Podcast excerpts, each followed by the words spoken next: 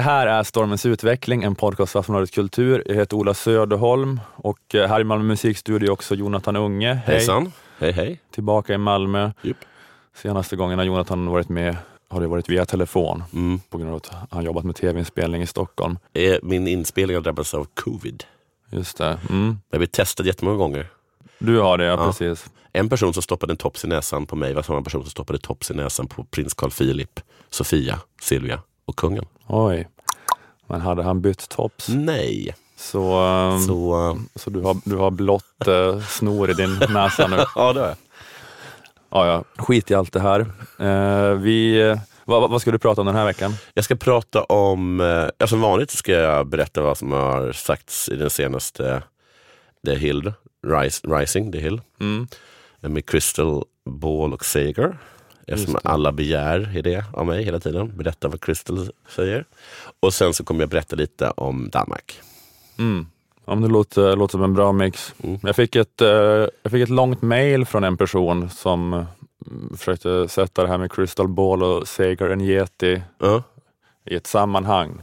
Och eh, eh, den personen menar på att eh, Crystal Ball då som en amerikansk vänsterprofil har fått mycket kritik från amerikanska vänstern då Mm. för att hon har det här programmet med Sager and Yeti. Just det. Jag har samrått med honom. Ja.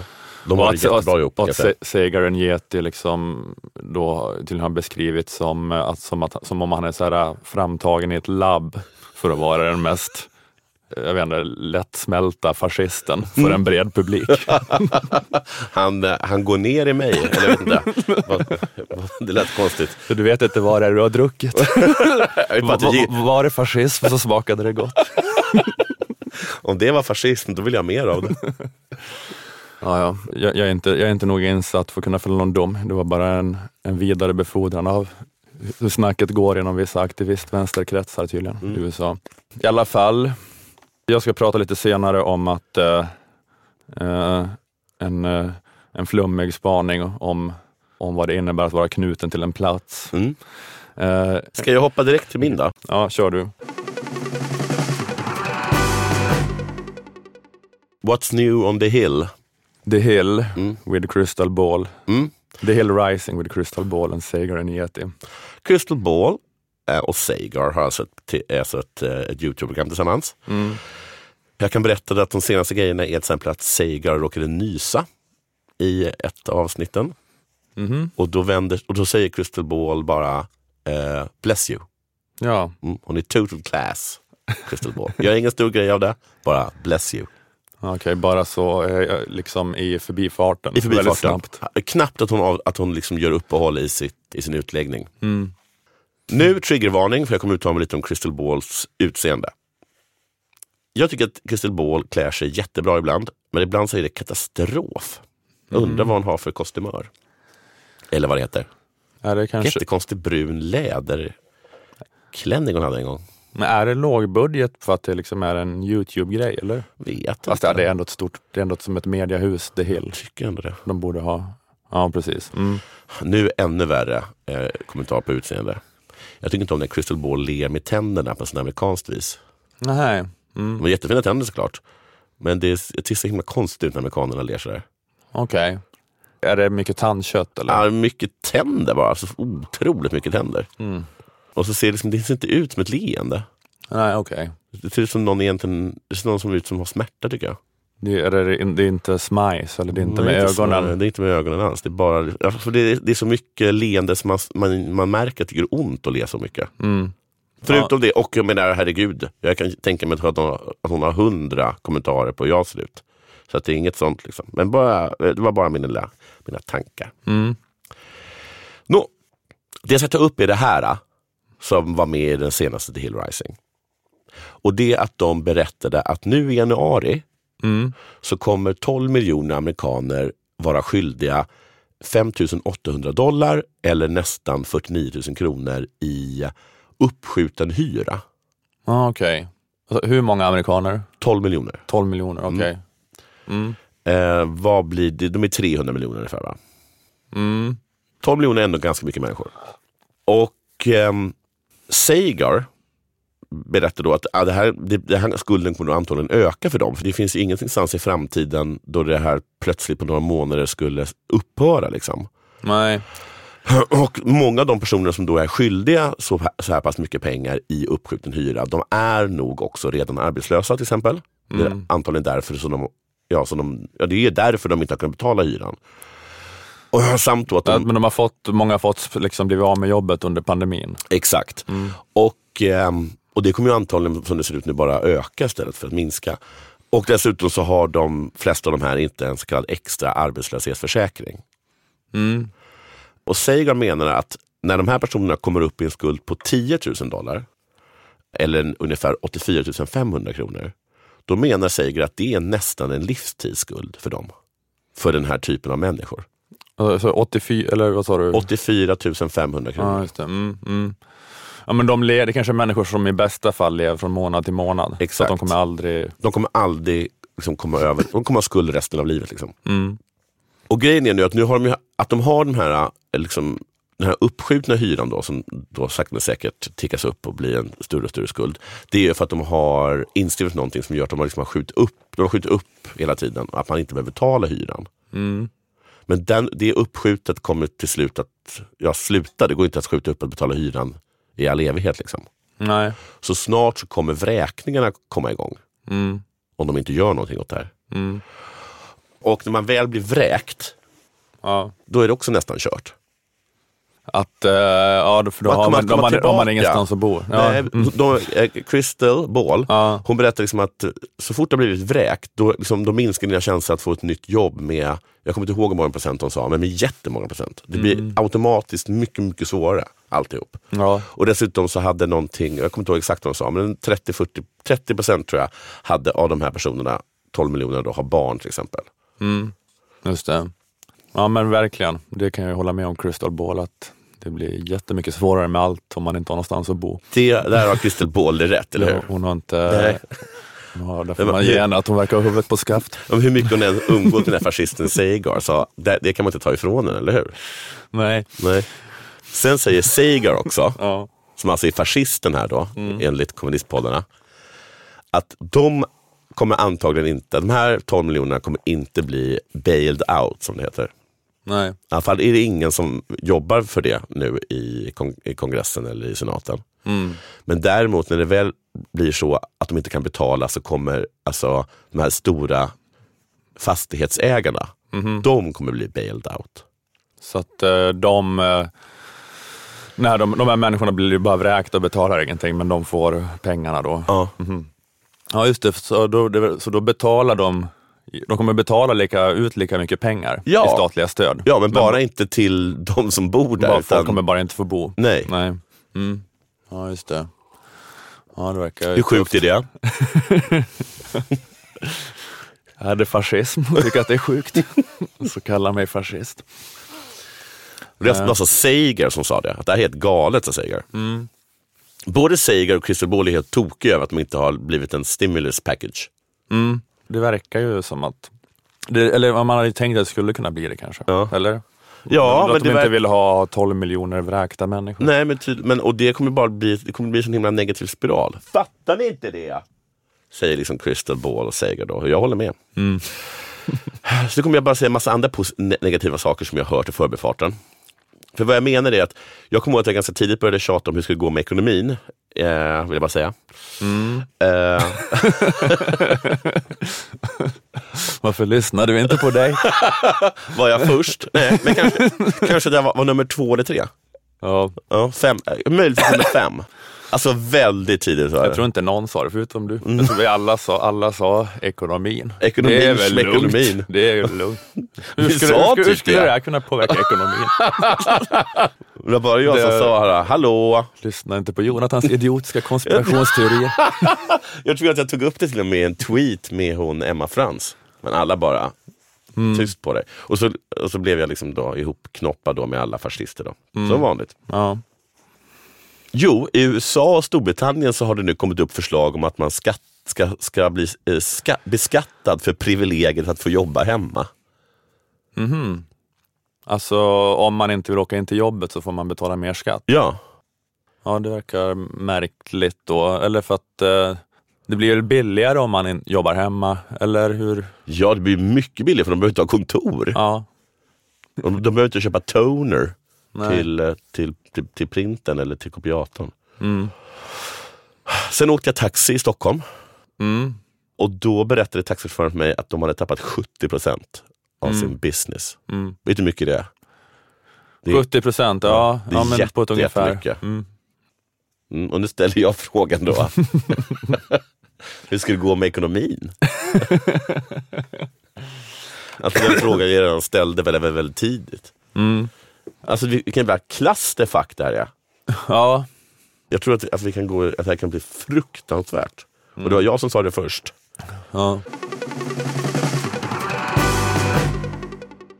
Jag, jag ägnar mina helgkvällar nu åt att eh, experimentera med es- exakt hur mycket vin som är lagom mycket för att jag ska bli perfekt gråtmild när jag läser Mina drömmars stad. Ja, ja. Det är inte så mycket. Nej, Man blir, man blir snabbt lite för full för att orka koncentrera sig på läsning. jag... ehm, är den så grå? Jag kommer ihåg, jag bara läst första. Typ ett överfullt glas är lagom. Alltså som Ja. nästan till bredden fyllt vinglas. Som ett och ett halvt glas ungefär. Okej. Det, är det, det är det bästa. Dricka det ganska snabbt och då blir man i ett perfekt svagt tillstånd. För att vara gråtmild över Hennings och Lottens och Emelies umbäranden. Okej, jag kommer ha sagt bara läst första och då reagerar jag mest på hur oerhört jobbigt det var att tvätta. Ja, just det. Men du eh, blev inte... Du, du syns inte att det var sorgligt? Eller du blev inte... Jag blir mest trött. ja, men det är fruktansvärt. eh, De verkar ha det, frukt, de har, eller de har det fruktansvärt jobbigt. Ja, gud vad jobbigt de har. Det är... eh, Ja, ja, skitsamma. Ja, ja. Mi- Mina, drömmars, eh, mina drömmars stad, eller den stadserien. Det, det, det, är- men det är en romansvit i fem delar av Per-Anders Fogelström. Ja. Som är den här stora episka Stockholmsskildringen där man följer en släkt i Stockholm från 1860 till 1968. Och eh, du, ja, du har bara läst första delen. Mm. Mm. I alla fall, den handlar ju då om, eh, om, om slöddret på Östra Södermalm Mm. mestadels.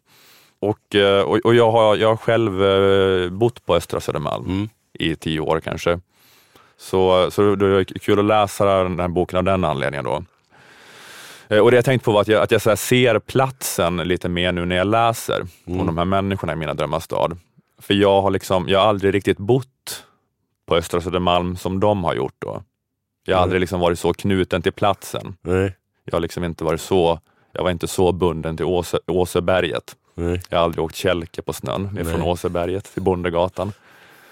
Och det jag tänkte på var att jag aldrig bott någonstans egentligen. nej På det just viset. Det. Du är lite Luleå och sen blev du lite Sundsvall Ja, och sen blev du stockholmare. ja, Nu lajvar du malmöit. ja. Men åker mycket upp och ner. jag har, ja, men jag har aldrig, jag har aldrig varit knuten till en plats. Eh, och, och, och ja, men, det är möjligt att jag kanske är så extra mycket då, att jag aldrig varit knuten till en plats, men jag menar att det är ett lite så allmänt eh, modernt tillstånd. Mm. Att man, jag, inte, man bor inte så mycket, jag har inte bott så mycket på en plats, utan jag, jag, jag, har ju bott, jag har bott i olika nätverk. Mm. I mitt vuxna liv har jag bott i Sundsvall, Uppsala, Stockholm, Malmö. Och då kanske folk frågar, ja men trivs du där du bor? Mm. Är det ett bra ställe att bo på? Så ja, jag vet inte vad platsen har med det att göra. Nej. Frågan är väl om jag trivs med mitt nätverk som det för Ja. tillfället ser ut. Alltså jag går ju kanske ut på stan och träffar någon Mm. i mitt nätverk. Alltså jag, jag går ju inte ut på stan och utsätts för Malmö. Mm. Alltså som de i Mina drömmars stad utsätts för Östra Södermalm. Jag liksom, jag är inte inlämnad i något lokalsamhälle. Det är inte en massa människor jag ska interagera med. Nej. Det är inte så här, där är busarna. Nej precis, busarna.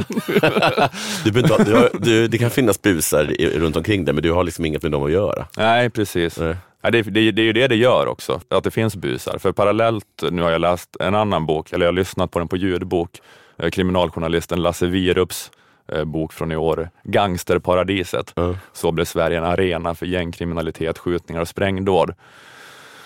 Eh, Och den, ja, den, eh, ja, den handlar, man, man hör på titeln vad den handlar om. Och, men, den, men den handlar ju om människor som i vår tid är bundna till en plats. Mm. Alltså både när det gäller de som utför de här brotten, Mm. det är väldigt viktigt med det lokala för dem. Liksom. Ja. Det är så här äh, Östberga-nätverket Ja. vi. eller Märsta, Märsta-gruppen. Och offren är också knutna till en plats. Då. Ja. Det är sådana som är så småföretagare i de områdena som inte vet jag, som kanske så driver restaurangerna och också de som är så här stammisar där, hänger på de krogarna och kaféerna. Och, ja, inte vet jag, Ja. går, äh, hänger på de torgen. Liksom. De har så socialt sammanhang på torget där. Liksom. Och det är jätteviktigt att in- inte de kommer dit, inte kommer dit busar och tar över torget. Nej. För då blir deras liv hemska. Ja. Att de har en sån relation till en plats. Ja. Men jag, också- jag tänkte på det, eh, för man, när man läst om så här folk som blivit mördade i, i såna här gänggrejer. Ja. Att man, så här, de har vetat om att de kommer bli mördare.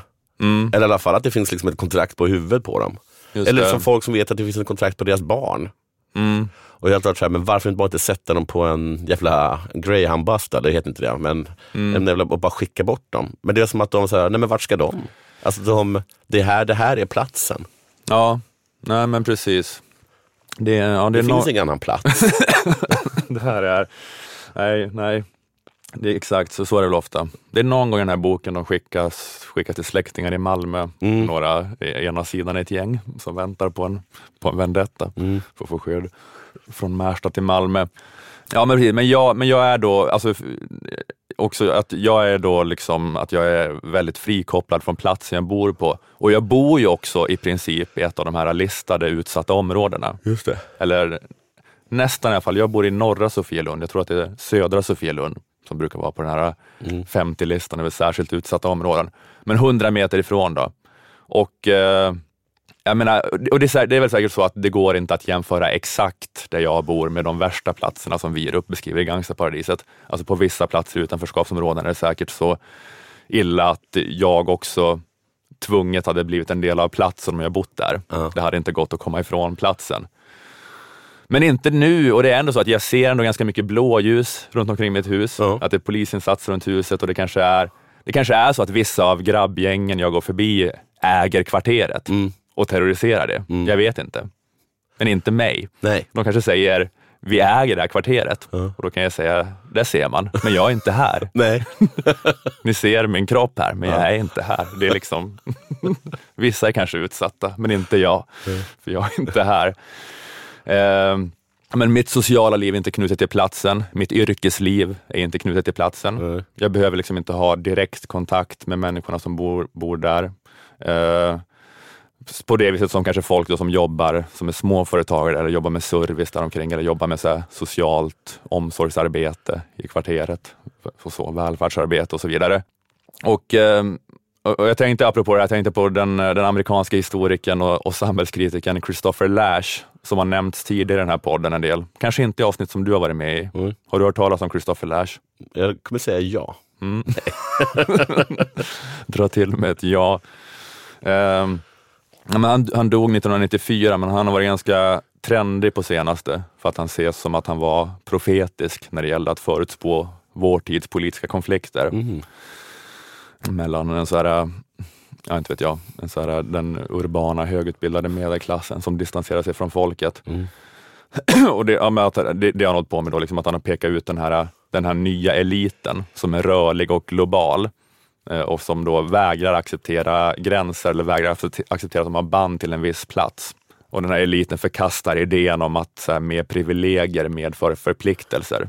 Mm. Eh, kanske till skillnad från tidigare erors aristokrati. Mm. Utan de, den här nya de meritokratiska eliten. De, liksom, de bara tänker, jag har förtjänat allt jag har fått, jag är inte skyldig någon eller något något. Nej. Och de isolerar sig då i sina nätverk och i sina enklaver. Är det för att, är det, för att det är svårare liksom att känna någon sorts, ehm, att man har ärvt någonting om det inte är land? Ja, Alltså om du ärver liksom en position eller en del i en, ja men som du säger, ett nätverk. Att det är mer det som man ger sina barn. mm, Än, eh, än att man liksom ger dem ett, eh, ett stort landområde med eh, skattebetalande bönder på. Nej, precis, med livegna bönder. Ja. Ja, nej, ja, jo men exakt. Ja, det är mer vagt, ja, för att det, då, då, det känns kanske inte... Nej, alla känner att de har gjort sin egen, skapat sin egen eh, Jag skapar min egen lycka, Ja. men du fattar inte att det var bara att du blev liksom vallad in i ett nätverk och via södra latin. Precis. och det är egentligen exakt samma sak som att, som att vara en uh, rysk greve Mm. som fick 2000 livegna. Mm i princip nästan exakt samma sak. Att Lash skrev om det här i sin sista bok eh, från 1994, då, strax innan han dog, som heter Eliternas uppror och sveket mot demokratin. Men att, att han menar på att, det är att de här eliterna gör uppror mot folket och distanserar sig från dem genom att svika idén om en demokrati för alla medborgare. De drar sig undan liksom, i sina nätverk och enklaver.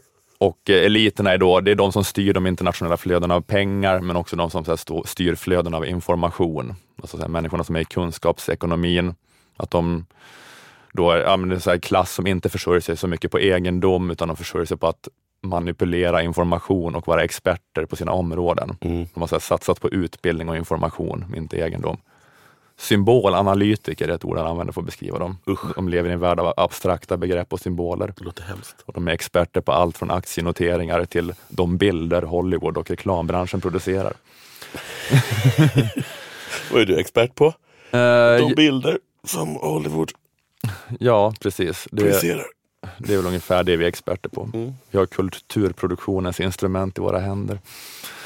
Eh, ja, men det, ja, jag vet inte, men, det, här, det kan vara de som leder de stora välgörenhetsstiftelserna, de som är liksom chefer på högre lärdomsanstalter. Det kan vara konsulter, systemanalytiker, universitetsprofessorer, forskare, läkare, journalister, reklammänniskor, kulturarbetare. Eh, jag vet inte, någon, någon, det är lite vagt och flummigt, men man fattar också ungefär vad han menar. Mm. Ringar in någon sån urban högutbildad elit. Och de har då liksom, skriver Lash, mer gemensamt med sina motsvarigheter, alltså de här eliterna mer gemensamt med sina motsvarigheter i andra länder. Man har Ja. mer gemensamt med sina motsvarigheter i Bryssel eller Hongkong då, än med sina landsmän, än personerna i kvarteret. Just det. Och så menar också då Lash då på att det fanns en, en sån utveckling, och det, han skrev då i sin kontext USA 1994, att, men att det fanns en allmän utveckling mot att eliterna bara mer och mer bara talade med varandra. Att det så här saknades institutioner för samtal över klassgränserna. Och Lash skriver om det här att, eh, att eh, samhällslivet fordrar miljöer där människor möts som jämlikar utan hänsyn till ras, klass eller nationellt ursprung. Eh, och Eftersom samhällsinstitutionerna från politiska partier till offentliga parker och informella mötesplatser har förfallit har samtalet blivit nästan lika specialiserat som kunskapsproduktionen. Och han pratar då så här om möten, han pratar om, om möten på den så kallade tredje platsen, som han menar är demokratins hörnsten. Informella mötesplatser som upprätthåller livet i närsamhället. Och att så här, tredje platserna är det, det, det är det goda samtalet sen. Det är, en, det är en mötesplats halvvägs mellan arbetet och hemmet. Och det är typ ja, men kanske så här, kaféer och pubbar. Ja, eller typ matvarubutiker till och med kanske? Nej? Ja, jag vet inte, det känns ju inte som en sån modern matvarubutik. Kanske en sån bod, en handelsbod eller något. Handelsbod, Där man står och säger, kan jag få krita? Ja. Och så håller de koll på vilka som har krita. Så, Men man så- står i kön och sådär. Ja. Och kanske, så kanske man börjar snacka med någon. Mm. Men alltså det är som att jag och jag och en reklamare i Calcutta har mer gemensamt än när vi går ner och bara stöter på mannen på gatan. Mm. Ja, men precis. Och eh, ett problem då är att det här eh, tredje platsumgänget har försvunnit. Då. Ja. Att man, eh, för det är där man övar sin i medborgerlig dygd och demokratiskt samtal genom att, sammans, genom att sammanföras med människor som man råkar förenas med bara för att man bor i närheten av varandra, inte av någon annan anledning. Men, Skola. Ja, precis. Det, det, ja, men det, det kan jag komma till. Det är väl en anledning till att jag blir en del av platsen. Lite mer är ju då är ju småbarnslivet. Det drar ju Mm. in en i platsen lite mer. Men Precis, men det är för att du har barnet i kommunal skola också. Till exempel. Du hade kunnat haft eh, att ditt barn gick på någon sorts eh, annan skola. Ja, precis. men en, en privat skola någonstans, kanske längre bort, som inte alls låg vid, platsen. Exakt, ja men vi, exakt. Vi, kan, vi kan återkomma till det Mm, lite. Men det är att det här tredje platsumgänget då, att, att det är något annat än när man liksom då umgås i, i sina frivilliga sammanslutningar. Ja. För det är det vi gör. Man umgås i sitt nätverk med en utvald grupp då Ja. på, på ett cocktailparty eller en klubb. Eh, ja, det här är hans då exempel. Eh, att det, det är något annat än umgänget på tredje platsen. För tre, tredje platsen är så en öppen plats där det, det kanske finns en kärna av stammisar där. Ja, Men det är också att lite vem som helst kan komma också. just det. Och det är där då man övar den politiska samtalskonsten menar Lash. Alltså det är väl lite grann som skillnaden på umgänget med grannar och umgänget med ditt utvalda nätverk. Just det. Det är den grejen. Att, och, och, och, och i umgänget med grannar är då hygglighet den viktigaste dygden. Mm. Inte dina prestationer eller siffrorna på ditt bankkonto. Och hygglighet är då enligt Lash den viktigaste medborgerliga dygden. Så vi förlorar hyggligheten. Jag håller med. men precis, men det här gäller, liksom, ba- det här gäller bara liksom demokrat, liksom demokratiska frågor som gäller den just platsen man bor på. Så det är inte så här, jag kan ju till exempel utsättas för eh, ett tredje rum Mm. i till exempel röstkanalen på Rocket League. Alltså är det ett, eh, när du spelar? Ja. ja. Då kan jag ju träffa arbetarsöner från eh, Blackpool. Ja, precis. Att det blir ett... Eh, jo men exakt, för det, det är ju en skillnad som inte Lash kände till då. Ja. Att, eh, att liksom internet har ju skapat en ny arena för samtal som eh, inte är då det här nätverkssamtalet, den här, den här slutna utvalda gruppen. Nej. Men inte heller, han kanske inte heller skulle säga att det är en perfekt ersättning för tjabbet hos barberaren heller. Nej, men, eh, men det, är- det är ju något annat. De ber mig dra åt helvete. Men det, ja precis, det är inte, ja men ja, det, ja, det, det, ja, det, det, det, det är ju något som kanske, kanske fyller vissa utav den här tredjeplatsfunktionens eh, liksom, eh, syften då. Men det är ju inte då för, när det gäller det här att bli inlemmad i communityt och ta ansvar för grannskapet liksom, och vara en del av platsen. Den funktionen fyller ju inte Twitter. Liksom. Men, eh, ja, men det är väl det att Lash eh, menar med allt det här, liksom då, att eh, att det som sker är en, flykt från grannskapet. Att man istället då isolerar sig i sina nätverk och inte liksom känner sig som en del av och som ansvarig för närsamhället. Men att vissa människor, liksom, som de som drabbas då av den här brottsligheten som beskrivs i gangsterparadiset, de är då liksom, ja, de är som sagt de är mer utlämnade till platsen de bor på. Mm. Och det, och det kan man ju också kanske känna liksom med så olika grupper liksom utav mera nyanlända till Sverige, att de fortfarande verkar ha en mycket mer aktiv tredjeplatskultur. Att Mm. det är gubbarna på kaféet mycket Just mera, som kanske är en kärna av stammisar, men också lite vem som helst kan komma. Ehm, att, eh, att det finns kvar där mer. Men för jag, jag, jag såg eh, lite på jag såg lite på DR, på dansk TV, Mm. eh, på en realityserie som DR har gjort, som heter eh, 180 dagar i gettoen. Just det, den känner jag till. Den är gammal den här. Ja, den är typ två år gammal. Eh, Det är då ett eh, socialt experiment där det liksom var då, ja, men så här, sju, alltså sju etniska danskar Ja. flyttar till gettot. Eh, De flyttar till den ökända stadsdelen Gellerup i Danmarks näst största stad, Århus. Mm.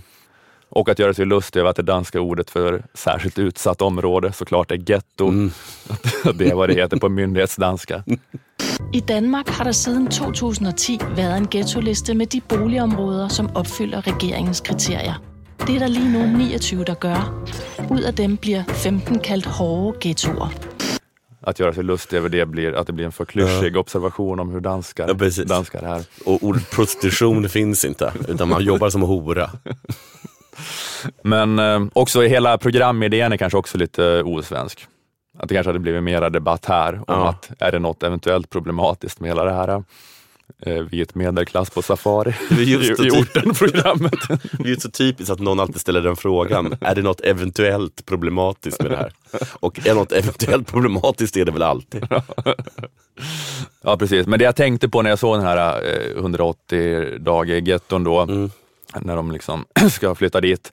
Alltså, det- eller det jag tänkte på när jag såg det var att alltså det sociala experimentet är inte så mycket att flytta till en plats, utan det är ju mer att de interagerar med lokalsamhället. Ja, Att det inte alls så som det hade varit på riktigt att flytta Nej. till Gellerup. Alltså för, det liksom, för det ingår liksom i uppgiften i tv-programmet att, att integrera sig. Så det är liksom bara hela tiden den, den grejen att, så här, att nu liksom eh, har Mine och Jörgen blivit invertet till fredagsbön i Ja. den lokala moskén. ja det är det som är. De hade kunnat bo bredvid eh, eh, den liksom källarmoskén Ja. utan att någonsin ens knappt reflektera över det. Ja, men, och det, det gör ju jag. Ja. Och jag hade väl också kunnat gå till fredagsbönen om, om liksom Karin af Klintberg hade kommit hit och styrt upp det. Då hade jag också kunnat vara, det finns säkert flera moskéer i en 100 meters radie runt omkring mig tror jag. Men, att, men så är det hela tiden i serien. Ja. Att de, så här, att de, det är liksom, det är hela uppgiften, att de, all, de bara går och knackar på hos alla grannar och så här, ska engagera sig och så- gå med i så här matlag, bjuder somalierna på smörrebröd, Mm. blir bjudna på somalisk mat i gengäld. Så här, anordna barnens dag för alla barn i området. Volontärarbeta på cirkusskolan. Att det, det, är liksom, det är inte som det hade varit på riktigt att flytta till det området. Då hade man suttit och ugglat i sin lägenhet, Mm. åkt och träffat människor i sitt nätverk. Men att det är det som är det sociala experimentet. Att alla jobbar, sociala experimentet är liksom att jobba heltid som så här kvarters eldsjäl. Mm. Och de har, liksom, de, har, de, har som, de har som uppgift att de ska integrera sig i Gellerup. Och liksom hade jag varit med om det, alltså grejen hade inte varit så mycket integrera mig här, utan mer integrera mig Ja, överhuvudtaget. ja. Vad menar ni? Alltså för, jag, eller för jag är såklart jag är integrerad liksom i det större samhället. Att jag bara jag har så språkkunskaper och utbildningsnivå och kännedom om kulturella koder som gör att jag kan leva och, förs- leva och försörja mig i Sverige. Men alltså integrerad i, i ett lokalsamhälle har jag aldrig varit. Det var jag inte heller när jag bodde på Östra Södermalm, Nej. där det då bara var liksom välbeställd medelklass. Jag deltog aldrig i någon kultur av tredje plats-umgänge där heller. Nej, det hade, det hade, varit en, det hade varit en lustig syn att göra ett, en vad heter det, en reality såpa om det också. Ja, precis. Ja. Det, hade, det hade nästan varit bättre faktiskt. Det ska gå ner. Alltså ska vi göra, gör allt de gör i Mina Drabbars stad fast nu. Bara anordna den här skitstora fyllefesten i Vitabergsparken. Och så alla reklamare ska gå dit och ha knytkalas liksom. Ska inte alla tjejerna träffas och tvätta? Nej exakt, ja, men man, hade- man hade kunnat göra det experimentet egentligen i vilket bostadsområde som helst. Det hade blivit. Ja men, ja, men, ja, men det blir lite det som blir eh, grejen med hela den, hela den reality-serien. Att Ja. det bara, ja, ni hade kunnat göra det här var som helst. Eller det hade varit det, det konstiga är inte att ni har flyttat hit, det konstiga är att alla börjar bete sig på ett sätt som ingen beter sig. Eh, Men ja, men, men, men Christopher Lash menar då på att liksom den här flykten från grannskap, flykten från närsamhällen in i nätverk, att det, så här, att det eroderar demokratin och liksom den så här medborgerliga dygden och ansvarskänslan för communityt. Och han skriver om det här att det finns liksom en ironi i det för att Alltså det är, det är så eliten då som umgås i nätverken, det är de som sägs vara de kosmopolitiska. Alltså de har lyft sig över det lilla lokala trånga och så umgås med hela världen.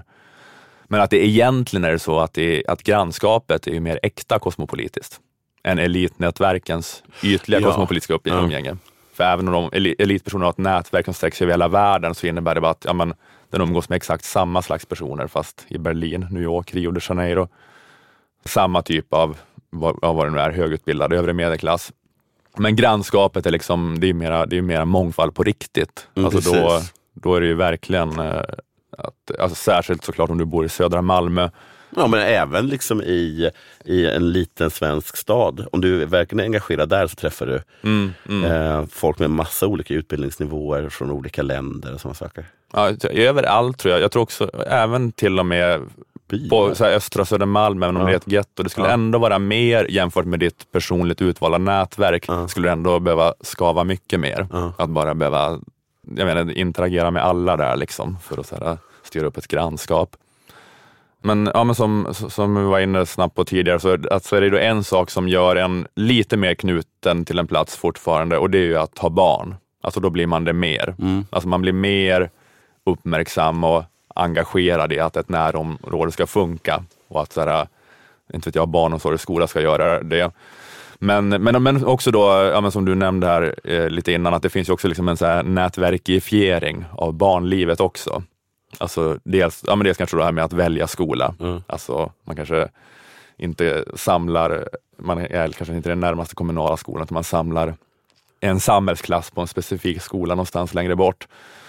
Också lite hela grejen med hur jävla mycket mindre barn är ute och rör sig fritt i grannskapet idag Ja. jämfört med förr. Ja. Att de är, de är hemma mycket mer eh, och deras kompishäng är också så mycket högre upp i åldrarna. Det är så här uppstyrda playdates dit de blir liksom vallade av föräldrarna. Och de, har också, de barnen är också så nya kommunikationstekniker. Med det har de ju så lättare att styra upp nätverk. Mi- Mindre spontana möten med så andra killgäng Mm. då man drar runt i området liksom och sparkar på lyktstolpar. Jag kommer ihåg, jag tror jag igår såg jag två stycken killar i 12-årsåldern Mm. som, som var ute och gick på stan. Ah, okej. Jag tyckte det bara såg så jävla konstigt ut Mm. och eh, blev typ lite orolig för dem. Ja, just det. Du skulle ringa någon Ja, göra en orosanmälan. ja. Jag tänkte- Jag tänkte förfölja efter dem på min Voi och se till att ingenting händer. Jag insåg att det mesta där upp, uppfattas som extremt creepy. Eh, Men just det, är nästan, så det blir så att det är nästan bara då i lekparken då som är Ja men det är lite, Ja, just det. Ja, jag- gården kanske. Ja precis. Ja, men jag- när jag står i Folkets park eh, med barn så Mm. där kan det vara, det blir lite sånt tredjeplatsumgänge. Mm. Ja men också gården, ja, precis. För barnsituationen har ju Efter skapat, förskolan. barnsituationen har ju liksom skapat en grannskapskänsla och ett liksom så här grannskapsumgänge i huset, Ja. i, liksom, i bostadsrättsföreningen. Mm. eh, Som jag bor i. Alltså hade, jag- hade jag inte haft barn utan bott själv, eller, eller i ett barnfritt parförhållande, då hade jag inte haft det ens. Nej. Då hade jag bara sagt eh, hej till grannarna och varit med på en städdag någon gång kanske. Men det, men det är ändå liksom, så barnen gör det, men det är ändå att det stannar i huset och på innergården. Mm. Och det, jag tror, ja, alltså hade barnen liksom varit ute i en större radie liksom runt i kvarteren lite mer, då hade också kanske grannskapet varit tvunget att utvidgas till den större radien. Om man hade börjat ta in det mer. Liksom. Men nu är det liksom, platsen är innergården, men just gatan utanför, där är vi inte riktigt. Liksom. Där är kanske vissa av de här äh, grabbgängen då, Mm. men vi är inte där då. Vi som bor i min bostadsrättsförening. Vi går ut på gatan så är vi inte där då. Jag har en jättekonstig, jättefånig sak det. Mm. Det är att Danmark nu för första gången, jag tror det är från Sveriges Radio, Mm. ja det är det, eh, har gått ut eh, och eh, sagt ursäkta Mhm. för att man 1951 förde barn från Grönland till Danmark för ett socialt experiment där de skulle lära sig dansk kultur och danska. Mhm. Och experimentet ledde till att barnen tappade sitt eget språk, sin kultur, sina familjer och många dog i förtid. Förlåt, Förlåt jag förstår inte varför jag skrattade där. Det var, det, var otajmat. jävligt, men det var bara att det var himla konstigt. Varför skulle de dö i förtid för? Eh, Var det all sprit de hällde i dem då? att, eh, ja, just att de fick äta så mycket fläsk och nubbe. Ja. Men, eh, nej, jag, jag, inte, Vad har det jag- gjort med barnen? Vi har bara uppfostrat som danskar. Men alla är ju döda. Ja, men varför har ni inte gett om, omega 3 som man får automatiskt av att äta fisk? Men det är ingen som äter fisk. Ibland får de en liten fisk som vi friterar och häller remouladsås på. Mm, just det, just det. Ja, Vi har förtjänat den här ursäkten. Tänk att göra så mot barn, säger Helene Tiesen, ett av barnen som togs till Danmark. och, ja, just det, de lever ju fortfarande såklart. Ja. Mm. Jag hade mest, jag, jag, jag hade inte riktigt skriva den här, men det är mest som jag tänker på vad det var de blev tvingade till för att lära sig danska kultur. Mm. Alltså, men det, var, det socialt experiment? Ja, De bara, hur Va- varför, kan man ta vilden ur vilden? Och då, Danmark gjorde det här på 50-talet. Ja. Men jag menar, det var, eller liksom, vad fanns det, var förevändningen bara kul med experiment? Eller var det liksom, de, de har, eller de har, eller var det så här, de har det jobbigt på Grönland, de är liksom socialt utsatta de här barnen, så att vi ska liksom ta var dem till ett, eh, så att de ska få det bättre. Ja, jag undrar inte. liksom om det var så att de sen hade tänkt liksom att föra tillbaka de barnen Okej. och sen bara att nu gå ut och sprid den danska kulturen bland ert eget folk då. Så Ah, att vi okej. äntligen får ihop grönlänningarna med, med oss danskar. Det var som att man var på någon så lång studieresa till Danmark för att, Ja. okej. Mhm. Att de liksom, jag vet att de tvingar dem att läsa den här boken Hygge. Mm. Vadå? En sån coffee table-bok Ja, som försöker ja. sälja in konceptet Det måste- hygge till, måste ni- till New York Times-läsare. Det här ska ni kunna utan till. Vad är det vi gillar? Hygge! Jag hör inte. Hygge! Just det. Att de får liksom eh, att de fick smäll på fingrarna när de tyckte att de här danska kakorna som kommer i blå burkar inte smakar så mycket. Mm. Och mest är torrt. Då fick de liksom, da!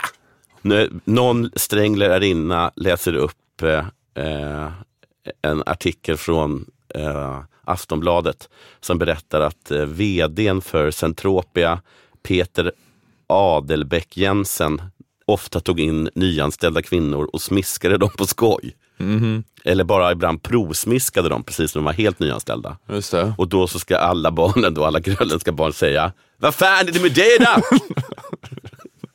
Vad fan? Vad fan är det med det? Ja. Man ska vara så dansk så man inte förstår Va? var, var, varför det här är något att ta upp. liksom. Ja, vad, vad menar ni? kan- Han, gick han upp på morgonen och åt frukost också? Eller? Snälla lärarinnan, kan du läsa upp den en gång till? Vi förstod eh.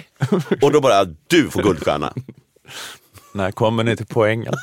vad är det ni vill berätta? Mm. Sen vet inte mer, liksom, får lära sig hela så här ytspänning på snapsen. Det är i och för sig bara bra. Mm. Lära inte, sig hur man eh, liksom trålar svensk media Ja. efter liksom de så här, värsta Cissi Wallin-idiotierna. för att eh, kunna liksom sprida, paketera det för en dansk publik. Om, Just alla, om, hur, alla, om, hur, om hur galna PK sharia-diktaturen Sverige. Men Alla barnen får gå in och kommentera under olika DN-artiklar. Och den som bäst lyckas trolla, den får åka hem om en vecka. Mm. Um, vad hemskt det här. Jag undrar vad det var de dog av. Ja, men menar de inte bara att de liksom utsatts för något jobbigt och fick sämre livskvalitet för att de fick en dålig start i livet? Och så, så blev det i genomsnitt kortare livslängd liksom, Mm, det var det än annars. menade. Eller, Och eller, det eller menar du att de... in eh, Prince-cigaretter i dem. Och samtidigt då som de gick runt med de här små rören som innehåller det här Gajol-shots. Just det, att de... Ja, ja, men du menar om det var så att de dog som en direkt följd av experimentet på något sätt? Ja, att nu har vi Gajol-snaps varje, varje... Det är första lektionen. Mm, precis. Att dunka i sig Gajol-snaps. Men det var väl bra att de bad om ursäkt. Mm, mm. Ehm, Ja, det var tråkigt att höra. Det låter ganska grovt. fan vad otacksamma man måste tycka barnen var, som inte vill ta till sig av hygge. Alltså att ha det mysigt. Jag såg en New York Times-artikel nu bara De häromveckan. vill inte ha mysigt. Nej. Då får vi öka mängden mys. Jag Får, tycker vi släcker ner och har flera ljuskällor i rummet. Så lägger vi extra många filter på dem. Ja, Det är så jävla värd, alltså det är så jävla, eh, jag såg en New York Times artikel här om veckan som var bara såhär, forget Danish hygge. Ja. This year it's Swedish mys. Ah, fy fan. Som är det nya. Ja, men jag, jag vet att vi har försökt hoppa på det tåget. Jag har sett de, de böckerna. Det är samma, det är samma liksom, eh, layout som på hyggeböckerna. Ja, Gå in, kör inte det här racet. det är så jävla, ja, verkligen såhär, paketera och sälj ingenting. Ja, det är verkligen verkligen. Ingen luft. Inte ens luft. Det, det, det, det kan andas. Alltså hygge är också, det är något så som att säga hygge och mys är något så här, också att, man, så här, att det är speciella ord. Ja, det är det inte. Det, det betyder ju bara att Cozy. cozy. det är ett helt And vanligt now, ord. uh, forget about mys. This year it's uh, the universal uh, cozy. Why is Denmark and Sweden so totally obsessed about this new cozy?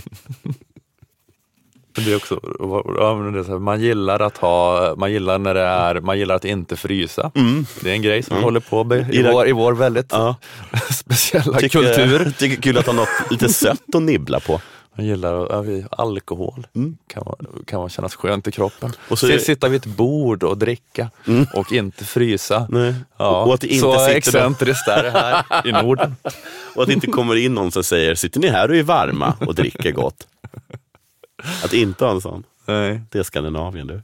Nej men det är som, eh, det känns, det kanske, det är liksom när man ska alltså så paketera och sälja i Europa kanske till så här, amerikaner och kanske Mm. ja, också asiatiska turister. Att, att liksom Norden är det mest svårpaketerade och det Mm. svårsålda då. Att när man har sålt Italien och Frankrike Ja, finns det lite att ta av. Så här, det här är liksom att man tar absolut ingenting och paketerar det som är grejer. Ja, det är först nu, 2020-talet, Ja. som man har lyckats hi- hitta, Ja, hitta det pappret man behövde liksom- slå in oss i. Ja, ja, ja, det var, det var ett avsnitt det. Mm. Eh, Du säger så varenda gång jag är med. nej, men det var bra, det var bra jobbat Jonathan. Tack, tack. Eh, och eh, Stormens utveckling tillbaka igen om en vecka. Tack till Aftonbladet Kultur, hej då. Hej.